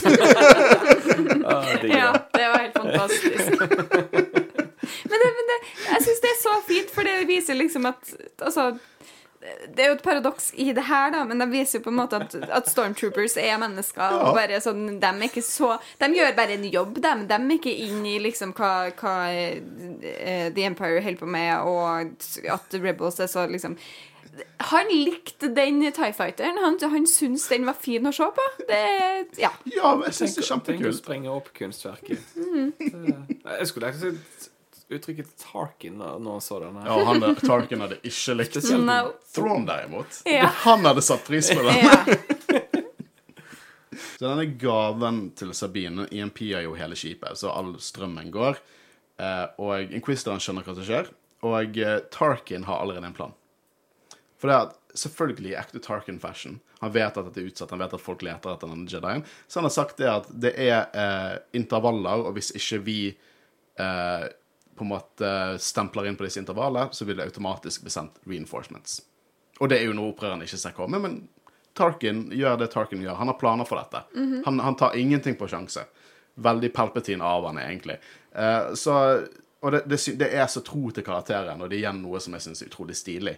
Eh, så det kommer jo reinforcements, og, eh, og invaderer skipet da, for å stoppe opprørerne som allerede har kommet seg på. Men det jeg la merke til her, er jo det at Ezra tar ledelse her. Han tar valg i liksom Han, han, han ser ikke til andre for å få de ut av problemene sine. Som er veldig Jedi av han, og du ser mye Kanan i han. Eh, og det ender med at han går opp i en sånn airshaft fordi han måtte låse en dør uh, med lightsameren sin. Og imens ser vi det at Chopper driver og kontakter Folkrom uh, og har noe gående der, da. Men Ezra finner Kanan, og Ezra får ikke kjeft, som jeg synes er koselig. Eh, det er mer det at de er imponer han er imponert over han. Eh, de kutter også over til en annen. Jeg må bare nevne det. Det er egentlig ikke noe spesielt. Men det er bare resten av gjengen som på en måte er på flukt. Det kommer en heis med masse stormtroopers ned en bitte liten heis. Og så bare du, du, du, du, alle stormtrooperne inni den heisen. en dårlig dag for stormtroopers. ja. Lo dere ikke når den ene stormtrooperen hoppet ut av heisen etterpå? Jo, jo, jo. ja, så alle foran han. så var det én igjen. Å, det var, det Ja, var, men Stormtroopers har en bad day denne episoden. Uh, de møter altså Kanan og Ezra De møter Granny Inquisitor på en bro uten rekkverk i ekte Star Wars-stil. Jeg tipper nok at, at eh, Kanan, med tanke på at han nå vet hvor han er hen, eh, er litt letta. for at han ble redda òg, kanskje. Ja. Uh, Det tror jeg òg. Jeg tror ikke det er koselig å være på Nur eller Mustafar. Nei. Um, men det, det ender jo med at Kanan tar lightsaberen til Ezra, spør om lov, selvfølgelig. Og bruker den veldig kreativt. Eh, løper mot han mens han skyter mot inquisitoren. Eh, og eh, det ender med at de begge bruker hverandres lightsaber. Så Kanan bruker Ezra sin, og Ezra sin bruker Kanan sin. Og jeg føler det på en måte bare symboliserer litt deres forhold. At de, de, de er Det er symbiose, rett og slett, mellom Ja. to personer. De er veldig veldig mye bedre sammen enn de er hver for seg. Ja. Eh, og kamera ja, er nydelig her, om du kan kalle det kamera. Eh, musikken, den trium triumfmusikken, det er utrolig filmatisk. Det er klart noen av de kuleste actionsekvensene, syns jeg, vi har sett i Rebel så langt. Eh, og eh, det hjelper veldig at vi har utrolig mye vi har investert i de karakterene. Det er mye kontekst her som gjør at dette blir mye mer badass. Jeg stiller et spørsmål til, til andre inquisitoren, uh, though, fordi at de er jo helt tydelig klar over at uh, det kommer noen for å redde Kanan.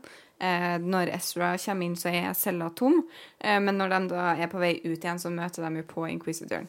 Og jeg lurer på, hvorfor i helvete valgte du å vente på dem akkurat der?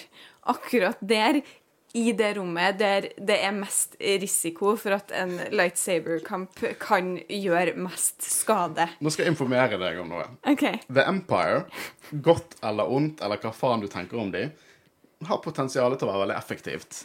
Men når du har en drama queen av en emperor, og igjen alle dark side users Jeg tror ikke vi har sett en dark side user som ikke er en drama queen.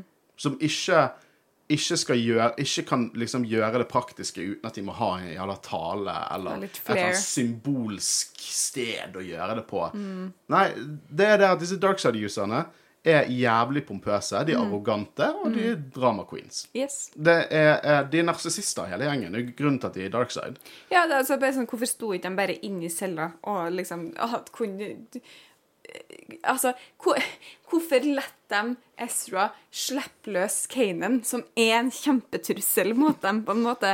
Ja, det, De sier det sjøl. Endelig, en, endelig en, kamp som er verdig. Det helt andre liksom, Tarkin har ikke nødvendigvis det. Han bryr seg ikke om noe som er verdig. Han bryr, seg ikke om dette konseptet ære eller på den måten. er det The Force som gjør dem sånn? Er det derfor, eh, Jeg, derfor bare, jeg tror det er sånn? en, en, type karat, det, det, det er en type personlighet som, gjør, som er de som faller til the dark side. Ja. The, the, the Vader har jo det samme. Arroganse, hovmod. Ja. Absolutt. Da har du the dark side. Vader er igjen kanskje litt mer praktisk enn alle de andre, men han har det fortsatt i seg, han òg. Jepp.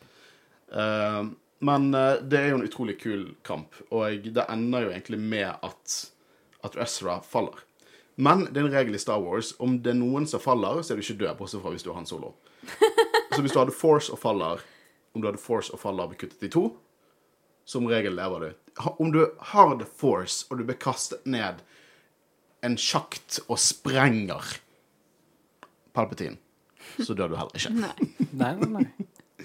Og det er noen utrolig fete Jedi moments når Kanan tar begge lightsaberne og sier 'That was a mistake'. Og sier Christian, for du har ingen andre til å dø for deg. Sier han, for dere har ingenting mer å frykte. Og det er sånn Nei, det er ikke hevn. Det er ikke det. Han bare har sluppet frykten, og hva er den største Frykten trigger the dark side. Ikke det, han, nå er han bare full Jedi. Og det blir sagt senere Jeg er veldig glad for at Ezra ikke distraherer han. Yeah. At han bare står og ser på. Han sier sånn Går det bra med Kanan? Ja, jeg tror det går bedre enn bra med han, faktisk. og jeg liker også det at når han ble, Ezra blir kålet eh, av, av Hera. Når han våkner, så hører du foreldrene og Sibo. Du hører alle som på en måte har vært en del av livet hans. Jeg føler også det symboliserer liksom at disse episodene egentlig understreker hvor han er.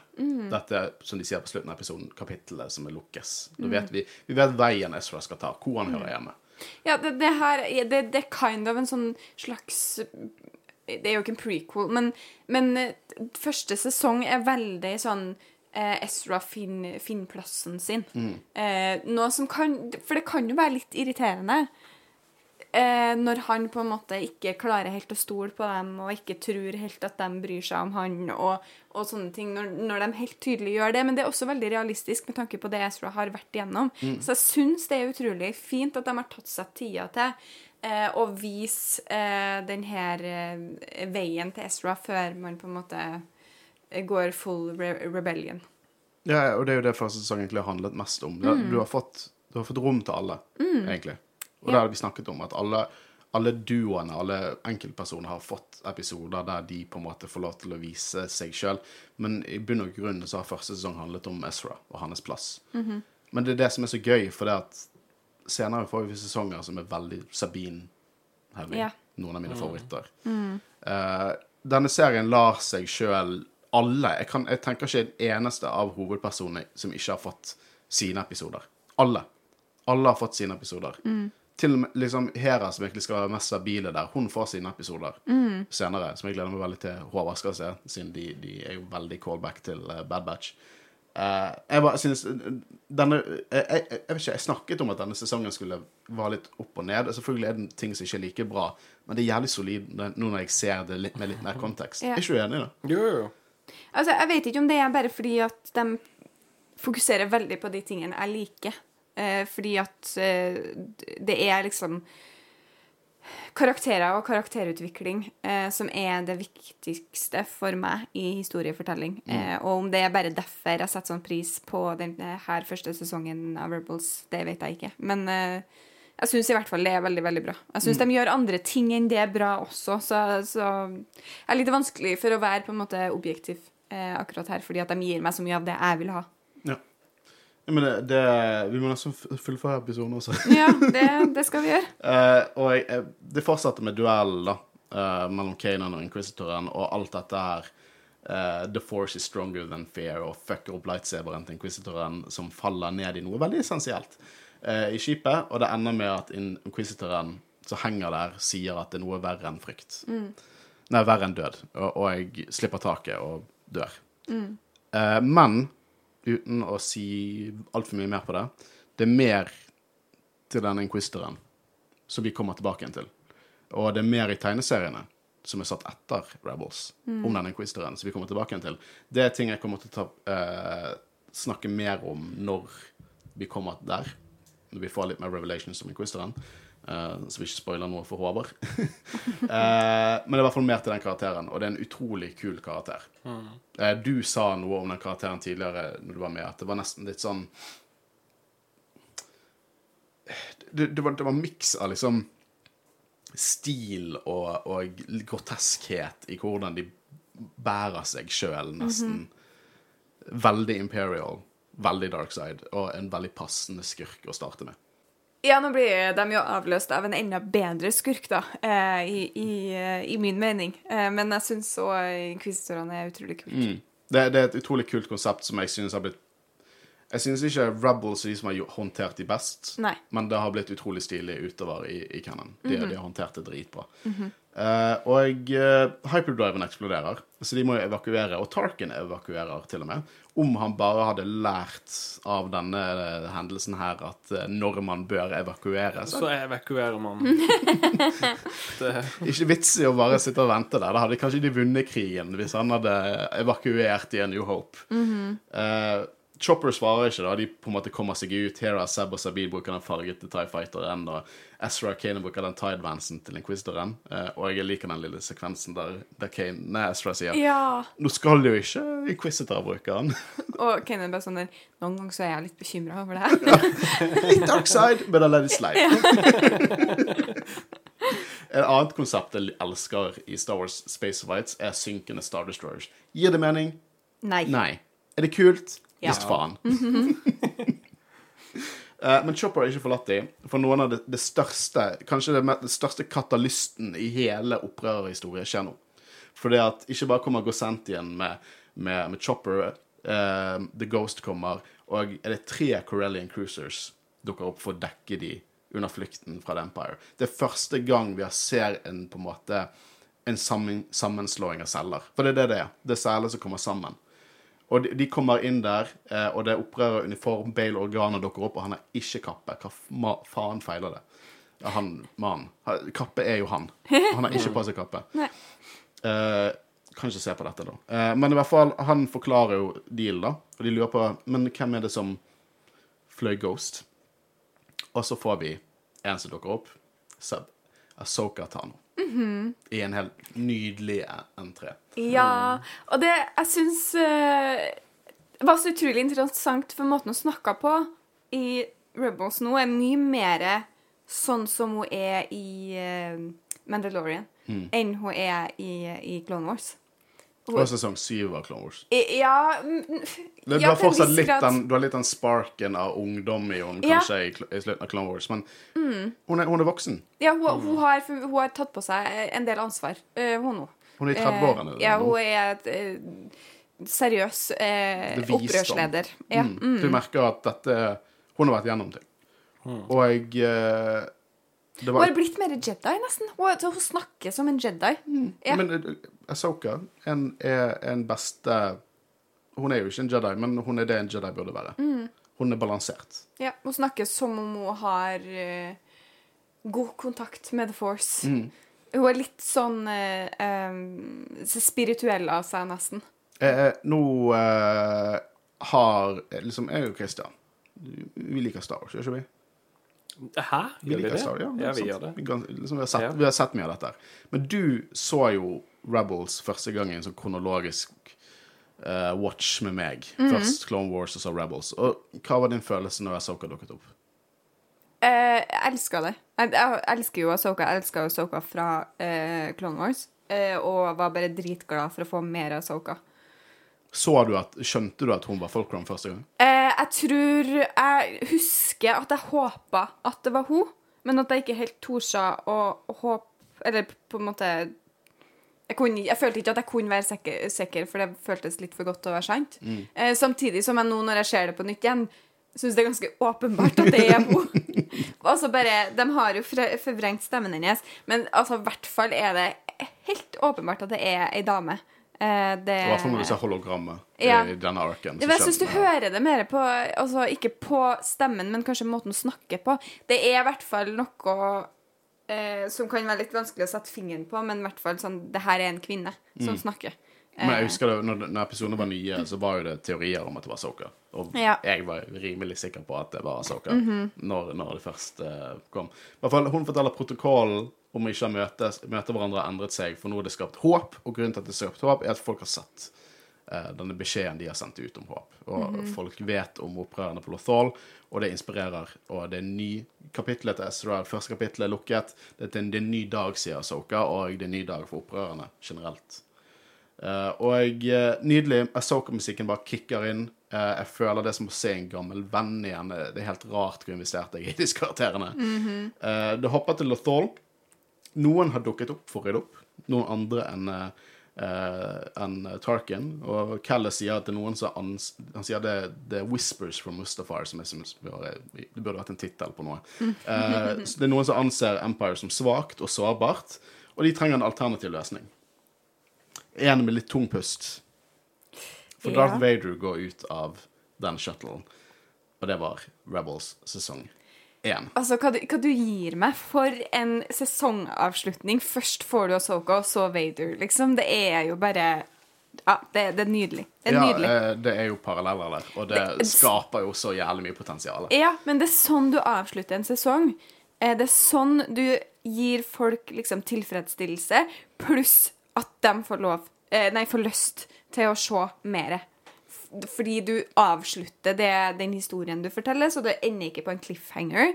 Men du viser også at eh, se her hva det er for noe interessant vi bygger opp til neste sesong. Eh, ja, jeg syns det er eh, gjort eh, utmerket. Utrolig bra, og jeg kunne ikke vært mer selvsikker på den tanken jeg har at om som sammenhengende historie og show, syns jeg at det er langt bedre enn Clone Wars. Langt bedre. Jeg sier ikke Som sagt, ikke, misforstå meg rett. Ingenting slår uh, Siege of Mandalore for meg. Det er som en film, og den filmen liker jeg kjempegodt. Men som en sammenhengende serie er dette her utrolig bra. Dave Filoni og alle de som jobbet med han, full kontroll. Og du ser liksom Du snakker om hvordan du avslutter en serie. Fullfør arken, gi en lite smakebit på hva som kommer. Vi fikk både det i Mandalorian sesong 1 og Mandalorian sesong 2. Yep. Akkurat samme elementene. Jeg synes at det er utrolig bra storytelling, og jeg, vi er langt ifra å har dekket det beste av Rebels ennå. Ja, nei, hvor mange episoder har vi totalt? 26? Uh, vi har dekket vi har Dette er 15 episoden vi dekker, og neste sesong tror jeg er jo ikke på 20-tallet. Det er to sesonger med litt over 20 episoder, Ja. og så siste sesong tror jeg er 15 sesonger igjen. Kan hende jeg sier feil, men uh, vi skal i hvert fall dekke det i 25 oh, ja, ja. episoder fra Jedi, eh, Jedi-rådet. Eh, så vi har så vidt begynt å skrape toppen av, eh, av isfjellet. Det er mye i Best vente. Yet. Ja, jeg vet ikke når vi kommer til å bli ferdig, for neste år ser jeg jo rimelig stappfull ut av nye, nytt Det materiale. er. Ja. uh, men har vi noe mer å si om disse episodene, da? Eller sesongen første? Har du noe sammen, noen tanker om sesong én Nei, generelt? det, det, det er alt dere sa. Jeg vet ikke hva mer jeg kan legge til. Um, jeg er helt enig med deg. Perfekt sesongavslutning. Ja, men det syns jeg òg. Og det har vært en fryd å snakke her. Eh, jeg må bare understreke at eh, jeg ble litt nervøs når det ble trukket paralleller mellom Apartheid og Empire. Jeg vet at Empire er bad guys. Jeg vet det. Det er miming, OK? Mm, Men kan, men, kan jeg, men kan jeg få si en ting? Mm. For jeg synes det, det er nesten litt dårlig gjort mot meg, for det Det som gjør på en måte noen av de her eh, eh, Hva heter det? Eh, regimene mm. eh, så jævlig som de er, er jo at de peker ut visse folkegrupper som offer som skal undertrykkes til fordel for eh, en annen folkegruppe. Og jeg kritiserer ikke deg. Du har helt rett. Ja. Og det Empire er der også. Jeg, jeg prøver å roe meg Nei, ut av men, dette. men, men det er jo det jeg mener, at det er ikke det nødvendigvis i Empire Girl. De er ikke rasister. Ikke mot mennesker. Jo, men, det, altså, ja, men er det snakk om raseundertrykking i De er ikke glad i aliens. Er de ikke? Nei. Men det er jo ikke noe som er blitt sånn særlig fokusert på. Jo, uh, Tark, uh, Thrawn ble mobbet på akademiet. Ja, OK. Han er en av de få Ja, aliensene. ja, ok, ja da, da, da skal jeg ikke eh, balansere min, eh, min apartheid-referanse kan, kan jeg bare understreke Jeg synes The Empire er veldig kule. De har kule drakter og kule skip. Jeg, jeg, jeg sitter ikke her og jeg mener at uh, The Empire er veien å gå. Jeg bare sier at noen av de har gode hensikter, men overall bad. OK? OK. Det det er et korrupt diktatorskap, og som regel er de bad guys. Jeg føler jeg har mistet en del av meg sjøl nå. Uansett, det var Jedi-rådet. Uh, vi har ledd, vi har grått.